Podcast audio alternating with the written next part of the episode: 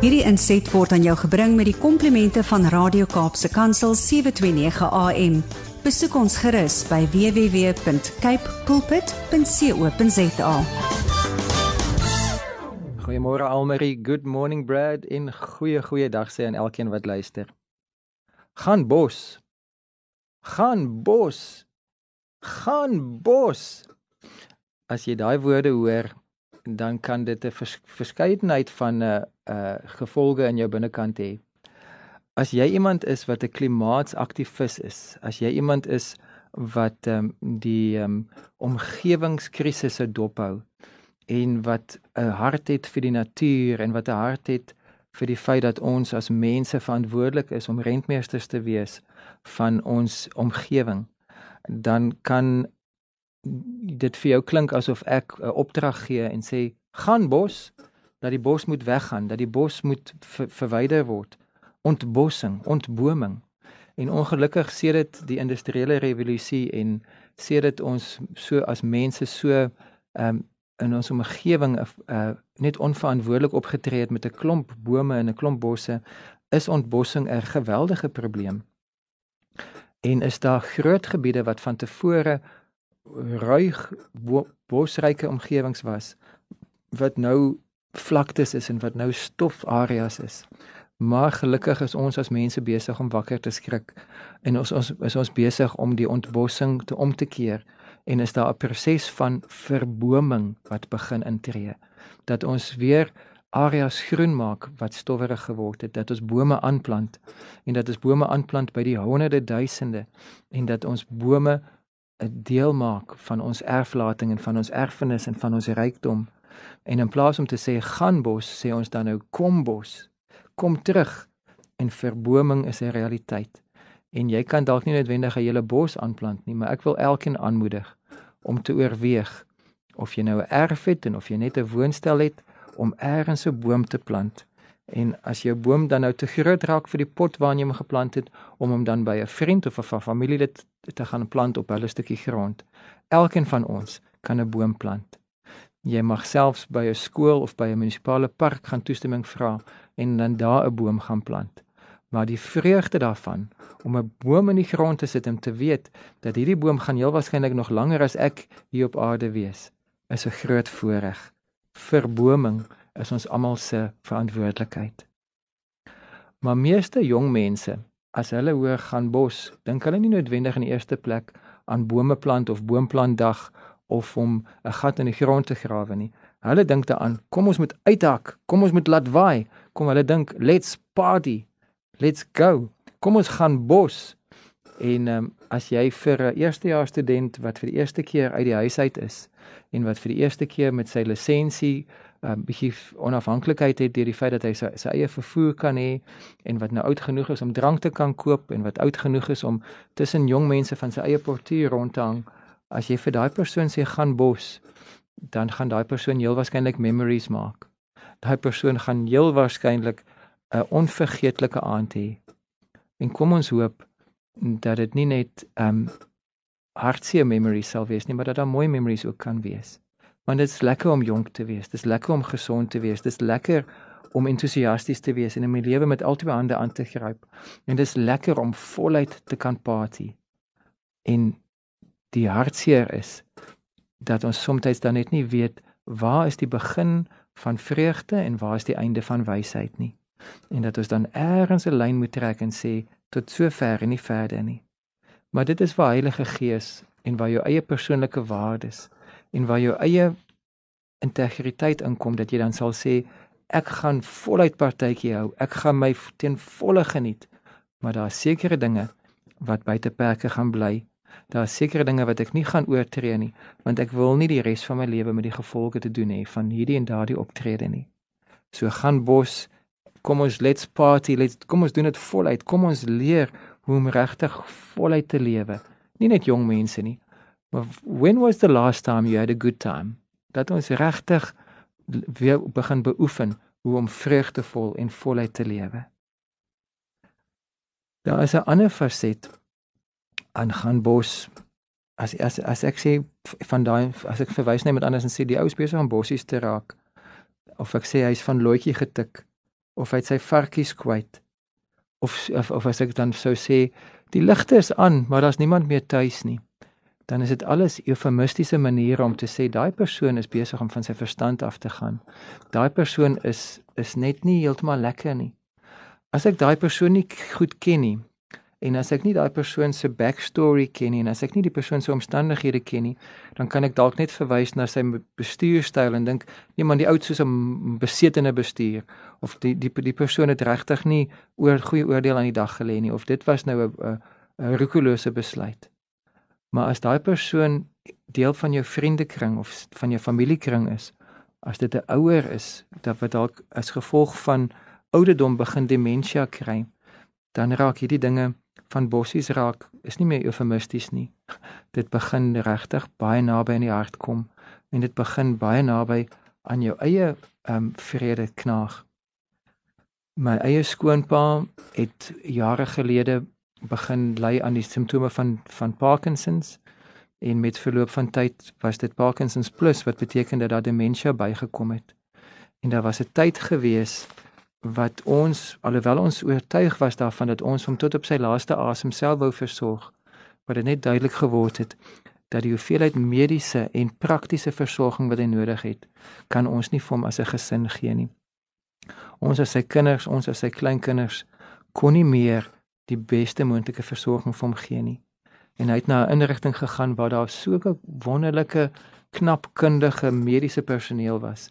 En soveel knap uh versorgers en soveel liefde was dat hy dit dit vir hom beter was om daar versorg te word. En toe kan ons net onsself daarop toespits om hom emosioneel en verhoudingsgewys onder te, te ondersteun. Maar hy was net 'n paar maande daar gewees toe kry ek een naweek oprig op oproep van die nagsuster wat sê Rudy kom gou jou skoonpa is besig om uit te hak hy is hy is besig om bos te gaan. Hy is hy is besig om bossies te raak. En um, ek het vinnig na die na Magdalena huis toe gegaan en daar aangekom en die nagsuster was nie verkeerd geweest nie. Hier was probleme want daar is 'n 'n 6 voet staal hek, sekuriteitshek wat die mense wat dan nou onder toesig moet bly moet verhinder om net vrylik uh, te ontsnap, om vrylik net uh, uit die perseel uit te gaan. En my skoonpa wat op daardie stadium diep in sy 70's was, was bo op daardie hek gewees, meer as 2 meter van die grond af. As hy daar sou geval het, dan sou hy homself te plette geval het. Die nagsigter, nagsuster sou moes uh, op die minste mediese verslae ingevul het, maar ook moontlik voor 'n tugkomitee moes verskyn het, want hoekom het sy toegelaat dat een van die pasiënte sorg so onver onverantwoordelik optree? En my skoonpa was besig om met met behendigheid wat ek het nog geweet hy's nog rats. Ek het geweet selfs met Parkinsons en al het, het hy nog geweldige krag in sy arms, maar ek was verbaas oor die die determinasie waarmee hy oor daai hek wou klim. En toe hoor ek hy sê vir my, daai kerel wil keer dat ek moet gaan werk. Nou die nagsuster se hare was kort en netjies geknip gewees. So in my skoonpa se interpretasie was dit 'n kerel wat hom keer om sy werk te gaan doen. En toe besef ek my pa wat vir baie jare polisie sergeant was en wat vir baie jare ook gewerk het by Netstar as 'n nagdiens waar hy met sekuriteit te doen gehad het. Sy verantwoordelikheidsin was sterk alhoewel sy sin van realiteit besig was om te verwar en hy was op pad werk toe en daardie verantwoordelikheidsin het hom gejaag om bo daai hek te klim. Ek sê toe van pa, kom net gou hierdie kant toe en ek het hom gehelp om versigtig versigtig af te klim en toe hy weer langs my op, op vaste grond staan toe sê ek vir hom pa dis pa se afnaweek. En hy het vir my eers so aangekyk en toe die woorde insink toe sê hy vir my maar hoekom het jy al lankal so gesê nie? En hy ontspan en hy kom sit en ons kon rustig in die kamer lekker gesprek gehad het en die nagsuster kon 'n sug van verligting slaak en sy kon sê sjoe dit was dit was dit het gewees maar hy het nie geval nie en ek kon vir my skoonpa sê nee hy's af. En in plaas van hom te sê pa moet afklim daar so dis gevaarlik kon ek vir hom sê dis nie nodig om oor te klim nie want dis pa se afnaweek. Dit was my ervaring van demensie en my eie pa wat nog besonder gesond is vir 'n 87 jarige en wat 'n besonderse deurbraak met die Here gehad het in die ja jare afgelope jare en wat ek en ons as 'n gesin kinders en kleinkinders nou moes afskeid neem van my ma in einde Desember die die afskeid van van my van my ma het vir my pa wat amper 60 jaar saam met haar 'n uh, 'n uh, huwelik gelei het ge, ge, gehad het en wat soveel vreugde gehad het, soveel soveel nabyheid, soveel vervulling gehad het. Daardie verlies is besig om om hom af te takel in sy binneste en daar's tye wanneer hy nie meer so helder is nie. Daar's 'n neuroloog afspraak om te sien of daardie demensie iets is wat moet aangespreek word. En daar's tye wanneer hy helder is, maar daar's ook ongelukkig tye wanneer hy begin verward raak. En die die hele wete dat hy nie meer heeltemal daardie knap intellektuele helder deurtastende verstand het van al sy jonge jare nie maak my seer om te weet dat daar gaan dalk ook 'n tyd kom wanneer hy die sy band met die realiteit verloor. Hoekom praat ek oor jou verstand verloor? Hoekom praat ek oor om bos te raak? Want in die Bybel is daar heelwat voorbeelde van mense wat ook hulle verstand verloor het. Nebukadneser in die Ou Testament was 'n geweldige leier en 'n koning, maar daar het 'n tyd gekom wat hy soos 'n wilde dier gras gevreet het.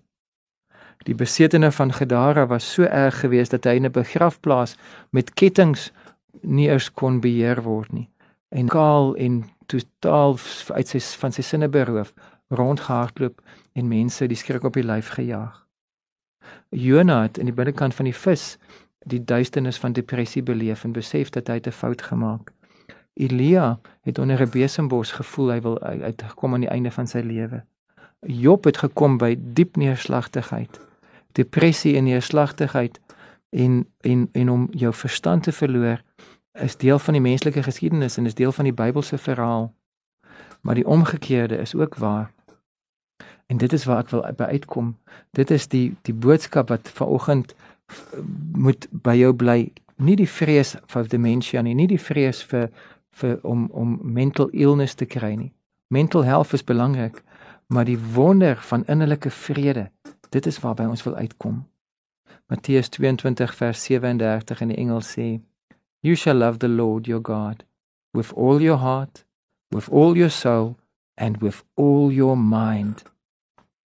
Love the Lord with all your heart, met al jou emosies en met 'n volle oortuiging, with all your soul, met jou hele mens wees, met jou verstand, met jou wil, met jou verbeelding, met alle fasette van jou, maar ook with all your mind dat jy met jou kennis, jou intellek, met jou intelligensie die Here kan lief hê. Ons dink dikwels dat intelligente mense kan nie die Here lief hê nie. Ons dink dikwels dat dit is net eenvoudige mense wat weet om die Here met oorgawe te volg.